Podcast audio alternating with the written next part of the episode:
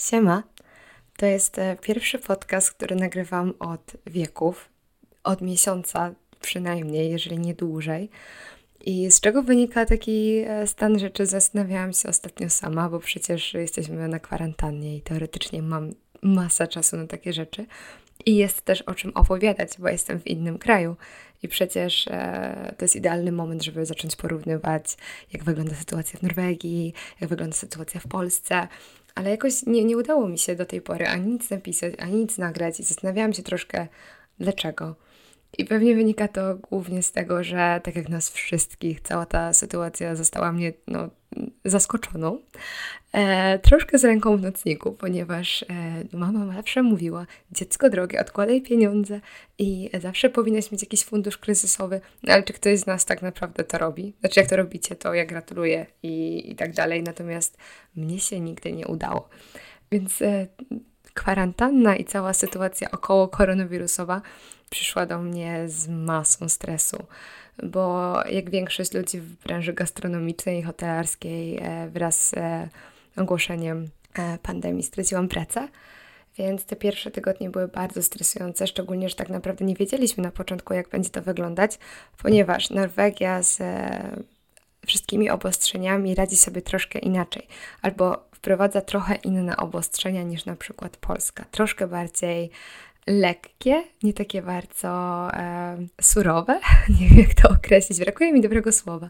W każdym razie, e, może nie jesteśmy tak szaleni jak Szwecja, albo nie szaleni, w sumie to się dopiero okaże, kto tak naprawdę miał e, tutaj taką taktykę, bo Szwecja na przykład nie wprowadziła zupełnie żadnych restrykcji, poza tym, że zamknęła zamknęła szkoły, e, licea i uniwersytety e, i zabroniła zgromadzeń powyżej 50 osób. A tak poza tym wszystko w Szwecji jest otwarte. Sama Szwecja ma też otwarte granice, e, no, czyli na przykład Norweg wjedzie do Szwecji, ale już Szwed do Norwegii nie. I bardzo jestem ciekawa, jak ten model się tam sprawdzi. To na pewno ma na celu ratowanie trochę ekonomii. E, oni na pewno też, to są Szwedzi, to są ludzie bardzo pragmatyczni, więc jestem pewna, że dokładnie wyliczyli, co ich e, służba zdrowia będzie w stanie udźwignąć. I pewnie stwierdzili, że jeżeli to wszystko pozostaje otwarte, e, to oni i tak sobie z tym poradzą. A warto wspomnieć, że e, w Szwecji sami politycy chyba nie mają aż takiej e, takich możliwości i takich narzędzi prawnych, żeby wprowadzać na przykład stan wyjątkowy, bo coś takiego podobno w szwedzkiej konstytucji w ogóle nie istnieje. I oni bardzo tutaj e, kierują się opiniami ekspertów, epidemiologów i e, tutaj wszystkie wytyczne, które są wcielane życia, one pochodzą bezpośrednio e, z, nie tyle z Ministerstwa Zdrowia, co z, z takiego inspektoratu, które, e, który generalnie zajmuje się zdrowiem społeczeństwa szwedzkiego i oni stwierdzili, że Szwecja nie musi być zamknięta. Polska jest zamknięta, ale o tym dobrze wiecie. Kiedy tam wrócę, nie wiem, ale mam nadzieję, że, że nie będzie to trwało wieków. Natomiast Norwegia jest taka quasi zamknięta, określiłabym to, ponieważ granice oczywiście zamknięte. W tym momencie, o, to jest super temat do poruszenia, mamy święta wielkanocne i jeżeli jest coś, co Norwegów naprawdę bardzo wkurzyło, jeżeli chodzi o, o obostrzenia około koronawirusowe, to jest wielkanocny zakaz wyjazdu do Hyt. E, czyli do domków letniskowych, które, które Norwegowie uwielbiają i których mają masę. Czyli to jest jakbym w ogóle, mówię, to jest z podręcznika dla imigrantów. Każdy Norweg ma swoją chatkę w górach. E, może nie każdy, ale no mają te chatki i oni je absolutnie uwielbiają. A Wielkanoc to nie jest taki czas jak u nas, to nie jest święto religijne specjalnie. Myślę, że w Polsce też coraz mniej jest świętem religijnym. E, nagrywam to z Wielki Piątek i pewnie jakbym miała 15 lat, to jeszcze w Wielki Piątek jadłabym chleb i piła wodę a teraz już bym pewnie tego nie robiła, nawet jak byłabym w Polsce. Ale tutaj specjalnie te, te dni nie, nie są przestrzegane już od wielu lat i czy mnie to dziwi? Może mnie to dziwi, bo jakieś obchodziłam święta wielkanocne i po prostu jak słyszę Wielkanoc albo święta Bożego Narodzenia, to jeszcze mam z tyłu głowy te tradycje takie typowo katolickie i gdzieś tam święta identyfikuję z tym, jak ja to sama obchodziłam jako dziecko. Ale już nie. W każdym razie no Norwegowie w tym momencie e, świąt wielkanocnych masowo wyjeżdżają do tych swoich domków w górach e, lub jadą wysoko w górę, w górach lub nad jeziorem. Umiejscowienie takiej chyty nie jest przesądzone. Ono może być na, w każdym możliwym miejscu, które jest w miarę odludne. A część Norwegów jeździ po prostu wysoko w góry, żeby dołapać ostatni śnieg i, i ostatni raz w tym sezonie pojeździć jeszcze na nartach. więc to są takie typowe aktywności, które, które Norwegowie uwielbiają, jeżeli chodzi o Wielkanoc. No i w tym roku niestety nie ma możliwości wyjechania do chatek w górach, a bierze się to z tego, że co prawda super, wyjeżdża się do takiej kabiny, do takiego domku i generalnie jest się w izolacji, ale masa tych domków znajduje się w gminach, które... Które są małe, w których nie ma szpitali lub są bardzo małe przychodnie. E, Norwegia też jest tak ukształtowana, że transport jest mega utrudniony i z niektórych um, części kraju jest bardzo trudno się dostać do jakichś dużych miast. Na przykład cała północna Norwegia e, z południem i z centrum Norwegii jest skomunikowana prawie wyłącznie ruchem lotniczym, czyli gdyby w tym momencie upadły takie regionalne norweskie linie lotnicze, to, to północ zostałaby w zasadzie odcięta od świata, a w ogóle przejazd ze południa Norwegii na północ trwa tyle, co przejazd, nie wiem, z Norwegii do Hiszpanii. Ale do brzegu, bo ja mówiłam o chytach i się zgubiłam kompletnie, jak zawsze. E, po prostu dryfuję gdzieś w, tych, e, w tym morzu swoich słów i jakichś pomysłów. Tym roku Norwegowie nie pojadą do chyt i wybitnie ich to frustruje. I widziałam artykuły gdzieś na norweskich stronach internetowych, gdzie ludzie wypowiadali się, że to jest generalnie już, e, to podchodzi pod pogwałcenie e, praw człowieka i ich osobistej wolności, bo jeżeli jest coś, czego Norwegowie nie lubią, to jest to, jeżeli oni odczuwają, że narusza się ich wolność demokratyczną, wszystko przyjmą z godnością, ale to, że nie można wyjechać do chatki w górach, to jest dramat. Więc to ich bardzo frustruje, a druga e, rzecz, która frustruje Norwegów w tym wszystkim, to jest to, że być może obchody Święta Narodowego 17 maja, które są zawsze mega huczne, być może w tym roku one będą troszkę spokojniejsze. Albo się nie odbędą, w zależności od tego, jaki będzie outcome e, po świętach, po tym jak jednak ludzie na pewno będą się przemieszczać po kraju i być może troszkę się pozarażają nawzajem. Więc to są takie głośne tematy w debacie publicznej. E, które na pewno są frustrujące. Resztę Norwegowie przyjęli z wielkim spokojem. E, tak jak wspomniałam, społeczeństwo i kraje nie są kompletnie zamknięte.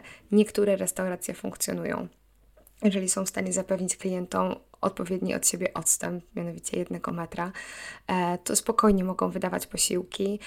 Oczywiście nie ma możliwości samoobsługi, nie ma możliwości prowadzenia bufetu, ale można podawać jedzenie w ten sposób. Moja restauracja albo resta moja restauracja jakbym była restauratorem. Restauracja, w której pracuję, nie zdecydowała się na taki krok. E, została zamknięta, w związku z czym ja zostałam bezrobotna i od e, ludzie od miesiąca nie byłam w pracy, od miesiąca codziennie mam wolne. To są najdłuższe wakacje, jakie miałam w życiu i powiem Wam szczerze, bawię się przed nią. E, pierwszy tydzień po ogłoszeniu tych wszystkich restrykcji byłam mega zestresowana i chyba każdy by był, bo cała niepewność odnośnie pracy, odnośnie tego, na ile mi tak naprawdę wystarczy z tego, co mam w tym momencie na koncie, a ja nie jestem specjalnie dobra w oszczędzaniu i nigdy nie byłam. I niepewność odnośnie tego, czy będzie przysługiwał mi zasiłek, ponieważ studentom zasiłek w Norwegii nie przysługuje, ze względu na to, że większość studentów otrzymuje wsparcie od państwa, o którym już kiedyś wspomniałam, e, w postaci stypendium oraz pożyczki też jak taki student nie jest potencjalnie e, dobrym poszukiwaczem pracy, kandydatem na rynku pracy, ponieważ jako student nie może przyjąć każdej możliwej pracy, a warunkiem otrzymania zasiłku jest to, że jest się w gotowości do przyjęcia każdej możliwej pracy. Chodzi o to, żeby możliwie jak najszybciej ten budżet państwa odciążyć.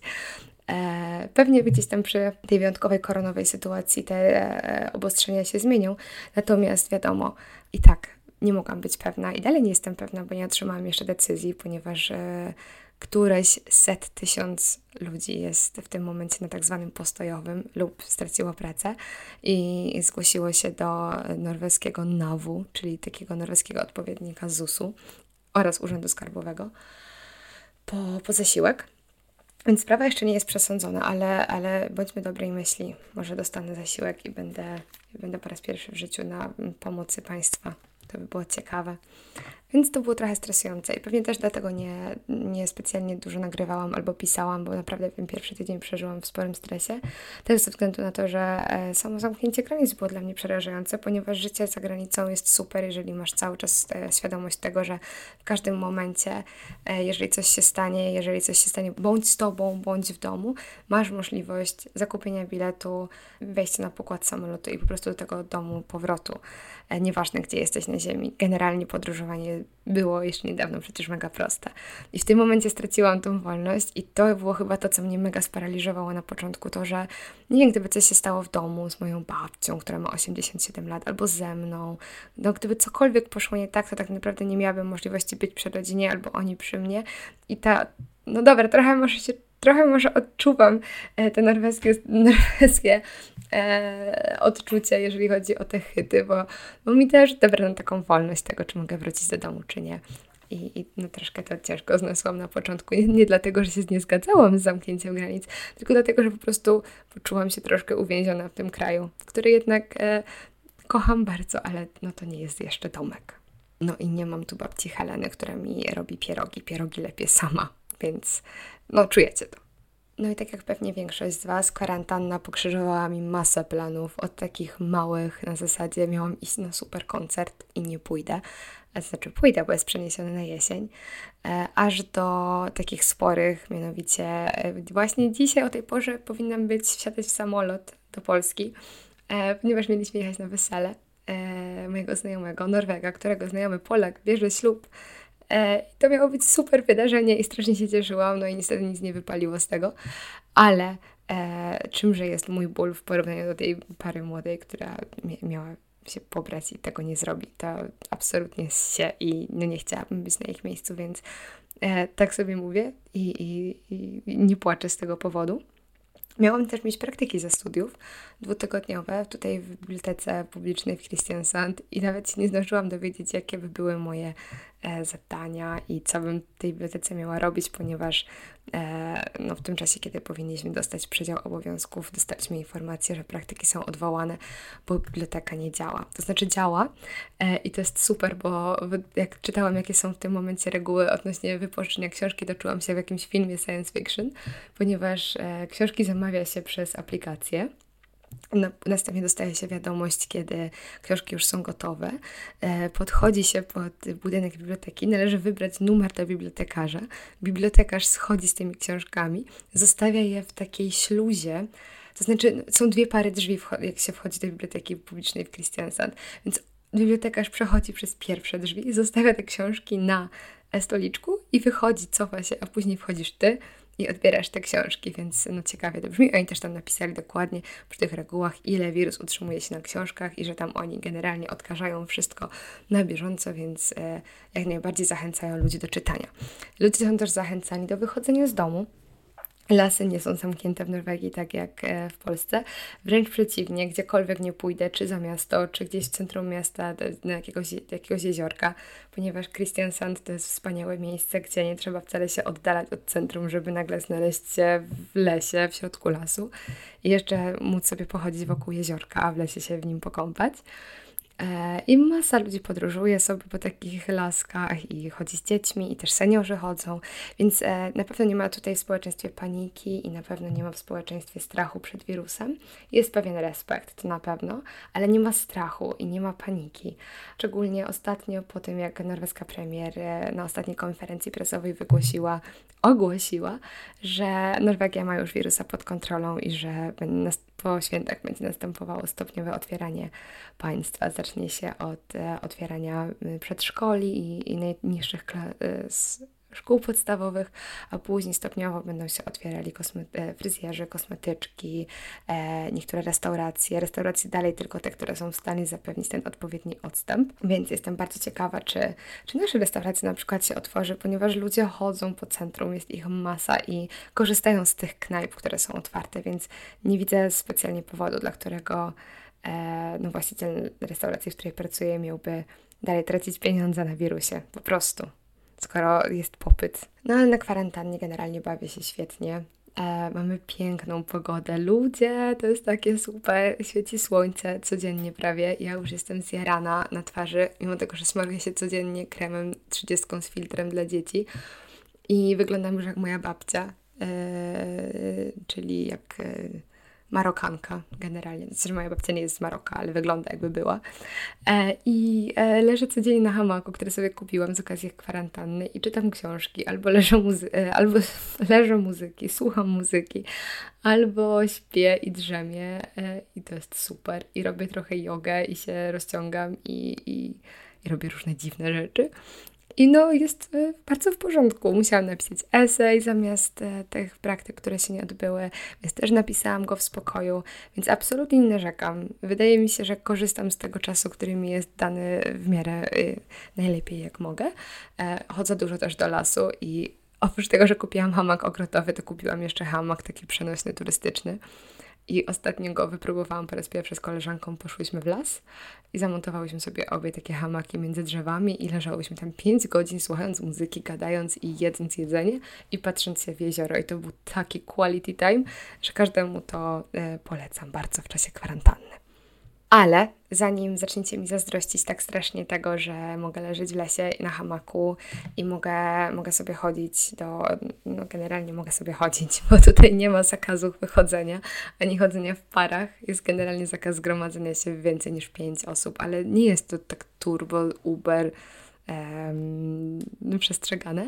I to też mój współlokator wyjaśnił mi, że w norweskiej mentalności leży to, że po prostu państwo tych obywateli ma nie kontrolować, tylko ma liczyć na ich rozsądek i na to, że oni będą e, wypełniać swój dygnat, czyli to, co my po polsku nazwalibyśmy czynem społecznym, ale to się podobno źle kojarzy, bo się kojarzy z komunizmem, ale w Norwegii wypełnienie dygnatu jest mega ważne, więc e, w miarę się stosują do tych zaleceń. No i wirus naprawdę się nie rozprzestrzenia, e, wręcz przeciwnie, coraz mniej mamy ludzi w szpitalach, coraz mniej mamy ludzi, ludzi pod respiratorami, więc e, widać e, to, co Norwegia wcieliła w życie, te restrykcje, które zostały wcielone w życie, pomogły.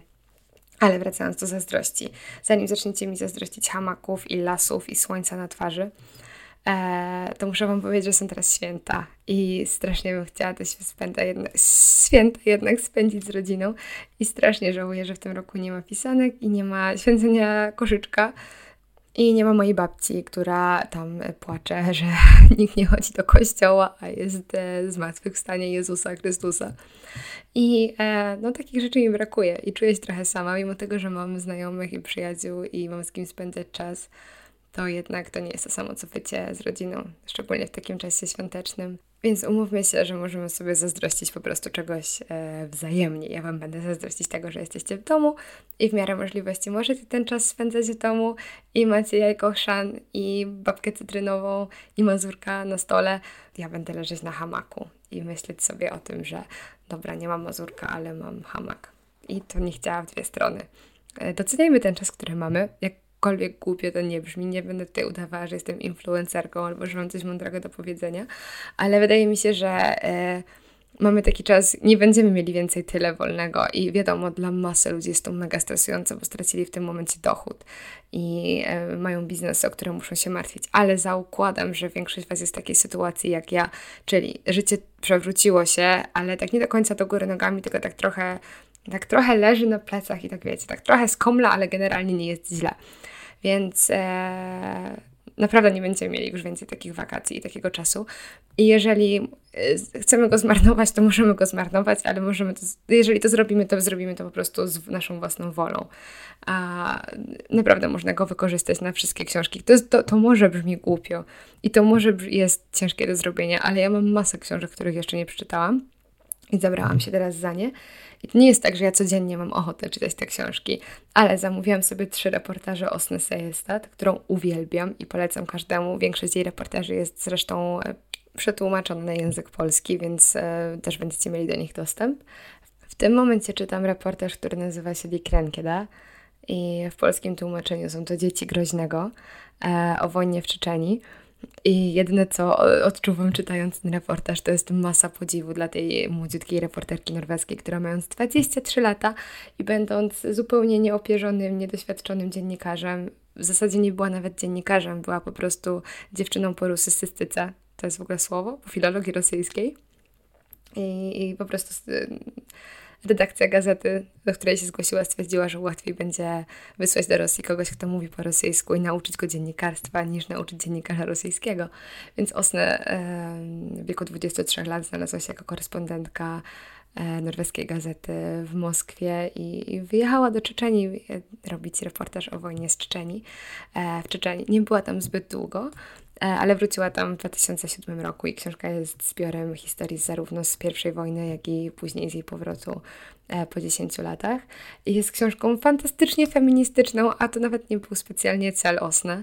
E, po prostu opowiada nie tylko jej historię, jako mega twardej babki, która nie bała się wojny i która po prostu chciała przekazać światu, co tak naprawdę dzieje się w Czeczeniu. I sama była trochę tego ciekawa i pewnie była też młoda i odważna. I e, młodzi, odważni ludzie mają po prostu tendencję do ignorowania potencjalnego zagrożenia.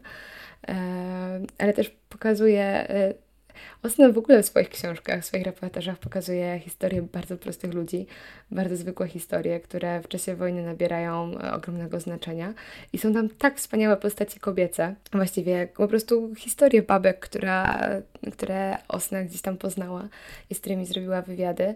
I z tego wyłania się tak cudowny e, obraz e, babskiej solidarności podczas wojny i tego, jaką e, rolę i figurę ma kobieta podczas wojny, mimo tego, że to nie jest ta osoba zazwyczaj, która idzie e, i walczy z bronią w ręku na, na pierwszej linii frontu, to jednak bez kobiet wojna e, no po prostu nie przed, nikt by nie przetrwał wojny. Wojna nie miałaby racji bytu. Znaczy wojna niespecjalnie kiedykolwiek ma rację bytu, ale e, my kobiety, jak to po norwesku się mówi, Zapomniałam, jaki będzie odpowiedni idiom na to po polsku, ale po norwesku powiedziano by, że kobiety e, sprawiają, że koła w tym wozie się dalej kręcą. Czy my tak mówimy po polsku, nie wiem. E, w każdym razie nie pozostało mi nic innego, tylko napisać o tym magisterkę i moja magisterka będzie właśnie o postaciach kobiecych, a właściwie o historiach kobiecych w reportażach Osny Sejerstad. Nie mogę doczekać e, pisania tej jej magisterki i tej pracy, więc cieszę się, że udało mi się znaleźć temat, który mnie ekscytuje i e, wydaje mi się, że nawet też żmudna praca na pisaniu, napisania 10, boże co ja mówię, 100 stron po norwesku będzie całkiem przyjemna i ekscytująca. I z tą pozytywną myślą Wam zostawiam, Was zostawiam. Życzę Wam mega wesołych świąt. Skorzystajcie z tego czasu, który jest Wam dany, to się niedługo skończy, naprawdę. No i cieszcie się tymczasem z rodziną, a ja się będę cieszyć moim hamakiem. Do usłyszenia.